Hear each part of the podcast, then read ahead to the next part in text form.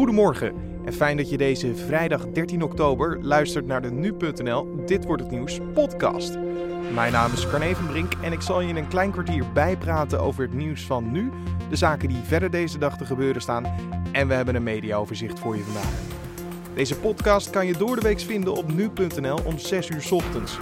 Zometeen hoor je of dit weekend het eindelijk tijd is voor de barbecue en bespreken we de rechtszaak tegen oud-tv-presentator Frank Marsmeijer. Maar eerst het belangrijkste nieuws van dit moment.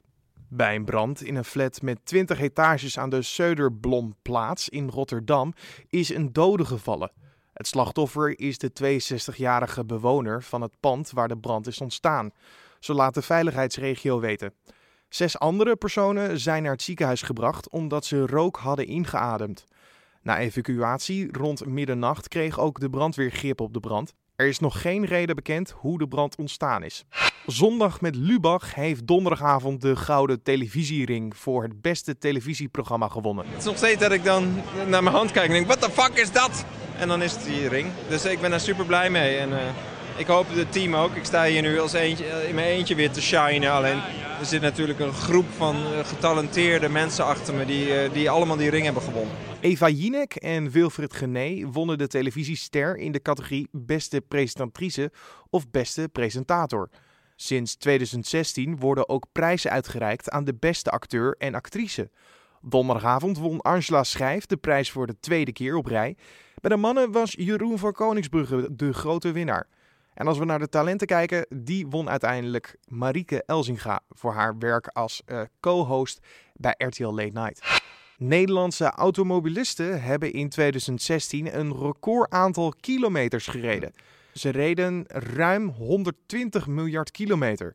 Een toename van 2,2% ten opzichte van 2015, meldt het Centraal Bureau voor de Statistiek. Sinds 2006 is het aantal kilometers zelfs gegroeid naar ruim 9 miljard.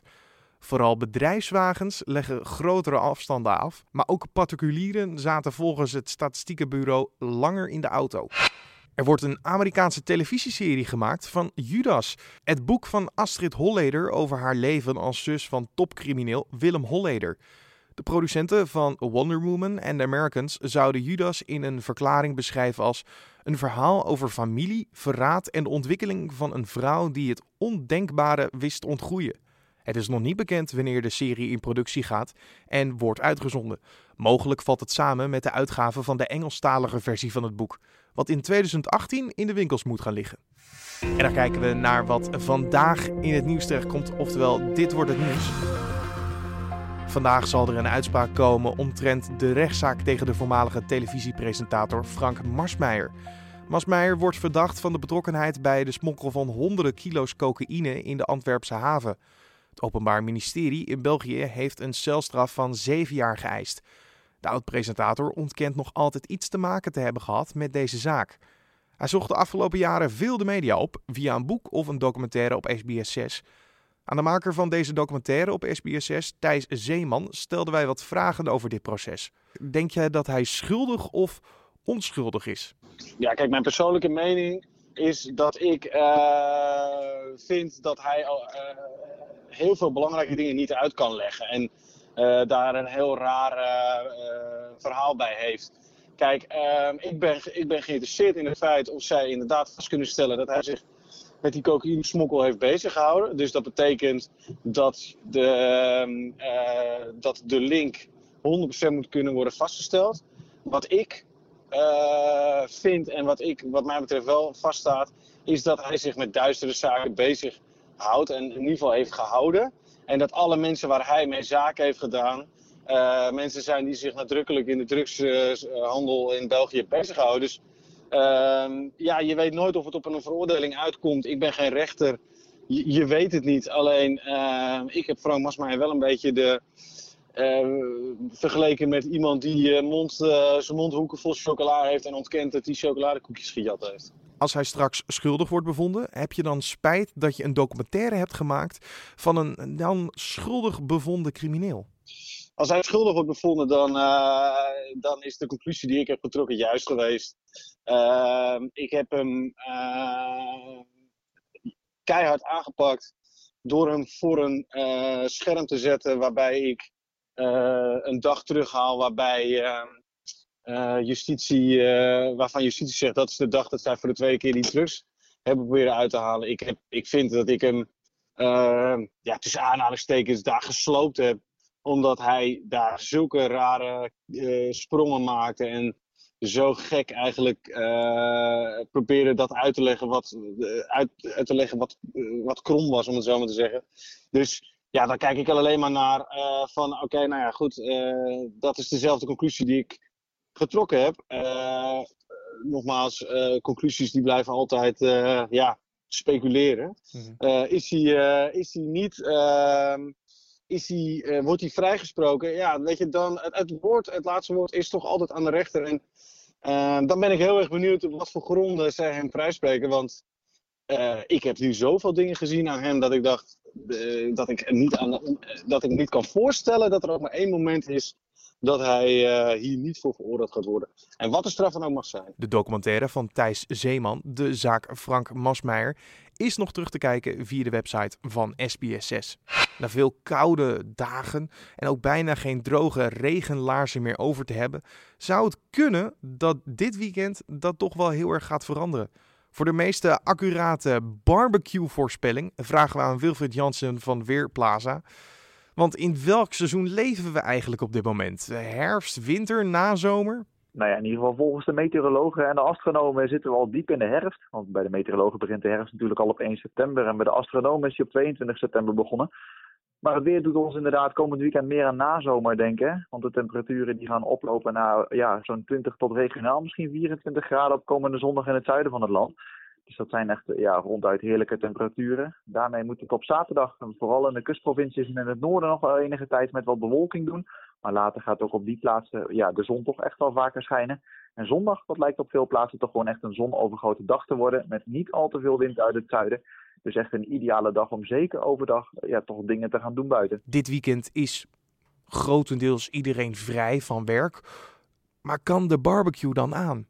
Ja, die barbecue kan aan. Maar wat in deze tijd van het jaar toch wel een probleem is, en zeker bijvoorbeeld zondagavond als het flink helder is, is dat het s'avonds toch wel vrij snel toch behoorlijk kan afkoelen hoor.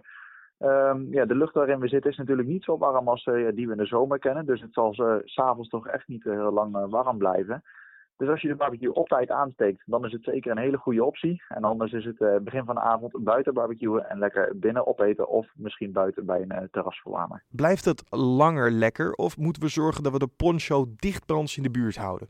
Nou, het is in ieder geval zo. Maandag blijft het ook nog een prachtige dag. Met dan ook nog in het zuiden regionaal misschien wel 24 graden. Aankomende dinsdag dan zien we al iets meer wolken. Dan komen er al storingen vanaf de oceaan dichterbij. Doet ook het kwik een klein stapje terug. Maar nog altijd te warm voor de tijd van het jaar hoor. Met uh, maximaal rond de 18, 19 graden. Ja, vanaf woensdag dan begint het toch echt wel onzeker te worden. Storingen komen wel of niet boven ons land te liggen uiteindelijk. Uh, de storingen zijn overigens nog niet heel actief. Maar toch denk ik dat we vanaf woensdag zo langzaam weer af en toe met wat regen of een aantal buien uh, rekening moeten gaan houden. Je Wilfred Jansen van Weerplaza. Tussen 10 en 8 uur wordt in het Koninklijk Concertgebouw in Amsterdam publiek afscheid genomen van de aan longkanker overleden burgemeester Herbert van der Laan. Amsterdammers houden afwisselend in tweetallen de wacht bij zijn kist. Zo is er een erewacht van de Amsterdamse veteranen, de politie, daklozen, gemeentehandhavers en een nachtvlinders, Dolly Bellefleur en Jennifer Hopeless. Zaterdag vindt er in het concertgebouw een herdenkingsbijeenkomst plaats voor genodigden, waarvan Van der Laan in besloten kring wordt begraven. Na de nachtmerrie-reeks van de kwalificatiewedstrijden voor het WK rolt de voetbal gewoon weer verder op het andere grasveld. Want dit weekend staat de Eredivisie voor onze deur. En wij vroegen aan nu-sportredacteur Riepke Bakker of er interessante wedstrijden tussen zitten. Ja, we hebben zelfs een, eh, een topper in de Eredivisie. Dan, uh, dan denkt hij misschien aan, aan Ajax tegen Feyenoord of aan PSV tegen Feyenoord. Nou, dat is het niet. Het is Feyenoord tegen PEC zaterdagavond. Maar ja, dat is wel de nummer 2. Feyenoord tegen de nummer 4. Uh, PEC is de verrassing van dit eredivisie Wint heel veel onder uh, de nieuwe trainer Johnny van Schip. Alleen Ajax heeft tot nu toe nog van, uh, van PEC gewonnen. En bovendien, PEC, ja, dat is een, een angstgekner voor Feyenoord. Vier keer, vier keer wonnen ze van Feyenoord in de afgelopen vijf jaar. Moet wel bijgezegd worden. Ja, dat is eigenlijk altijd in Zwolle. In, in de Kuip is Feyenoord gewoon de baas. Zijn er nog bijzonderheden waar we rekening mee moeten houden? Zoals spelers die terugkomen van een blessure? Ja, dat is nog niet helemaal zeker. Nicolai Jurgensen, de, de, de Deense spits van Feyenoord, toen hij geblesseerd raakte een paar weken geleden, ja, toen liep het allemaal nog bij Feyenoord. Vier keer achter elkaar gewonnen. Vervolgens moet hij toekijken hoe Feyenoord verliest van City, van Napoli, van PSV, van NAC. Ja, het was bijna een beetje crisis. Nou, nu is Jurgensen terug. Tenminste, hij heeft zijn rentree gemaakt op het trainingsveld. De grote vraag is natuurlijk, gaat hij spelen? Um, ja, heel Feyenoord hoopt natuurlijk van wel, want hij is gewoon belangrijk als aanspeelpunt, als afmaker. Met Nicolai Jurgensen in de basis pakt Feyenoord over het algemeen meer punten. Dus ja, ze hebben hem nodig. En uh, ja, met Jurgensen zou het eigenlijk ook wel goed moeten komen tegen PEC. En dat geldt ook voor Ajax, die spelen zaterdag tegen Sparta. Sinds 1989 heeft uh, Sparta al niet meer gewonnen in Amsterdam. Ook niet echt in vorm die ploeg. En uh, ja, PSV uit bij uh, promovendus VVV is wel ook een verrassing dit eredivisie-seizoen. Maar op papier zou je zeggen, moeten doen zijn voor PSV. Al met al dus weer een uh, fijn voetbalweekend, denk ik zo. Nou ja, als je voor de traditionele top 3 bent, dan, dan wordt het een, een goed voetbalweekend. Waarvan je op de site nu.nl en de app altijd de laatste update zal krijgen. En natuurlijk hebben we ook even gekeken naar waar andere media deze dag over gaan schrijven. Bijvoorbeeld, het lijkt een nieuwe trend te worden overgewaaid uit de VS. Na de 20 weken echo wordt het geslacht van het kind niet aan de aanstaande ouders gegeven, maar in een envelop gestopt en doorgegeven aan de bakker. Die maakt dan een taart met een roze of blauwe vulling. Op een gender reveal party laten gasten met hun kleding zien wat zij denken dat het wordt. En het taartmes biedt dan uitkomst, schrijft de Volkskrant. Sommige vriendinnen sturen via WhatsApp dat ze een jongen of meisje krijgen. Dat is helemaal niet persoonlijk. Slechts 5 tot 10 procent van de mensen in blijde verwachting wacht liever tot de geboorte. Er is een wetsvoorstel in de maak waarin roekeloosheid in het verkeer ook gebruik van smartphones achter het stuur omvat. Dat meldt trouw. Gisteren werd bekend dat het aantal ongelukken op de Nederlandse hoofdwegen in de afgelopen vier jaar met een schrikbarende 27% is toegenomen. Veilig Verkeer Nederland schat dat een kwart van de auto-ongelukken ontstond door afleiding door het mobieltje. De organisatie wil dat gebruik in het verkeer net zo zwaar wordt bestraft als het dronken rijden. Niet alleen een boete, maar ook met een celstraf. En het weer van deze vrijdag 13 oktober. Er zijn regelmatig wolkenvelden, maar af en toe zal de zon wel doorbreken. Wel blijft het vrijdag droog. Afhankelijk van of de zon erbij komt, lopen de temperaturen op naar 17 tot 19 graden. En dan nog dit. Amstelveen zal aankomende zaterdag omgetoverd worden naar een safari zone. Dit allemaal voor de mobiele game Pokémon Go. Deze game, die vorig jaar uitkwam, toonde de wereld een extra laag waarin spelers op zoek konden gaan naar Pokémons.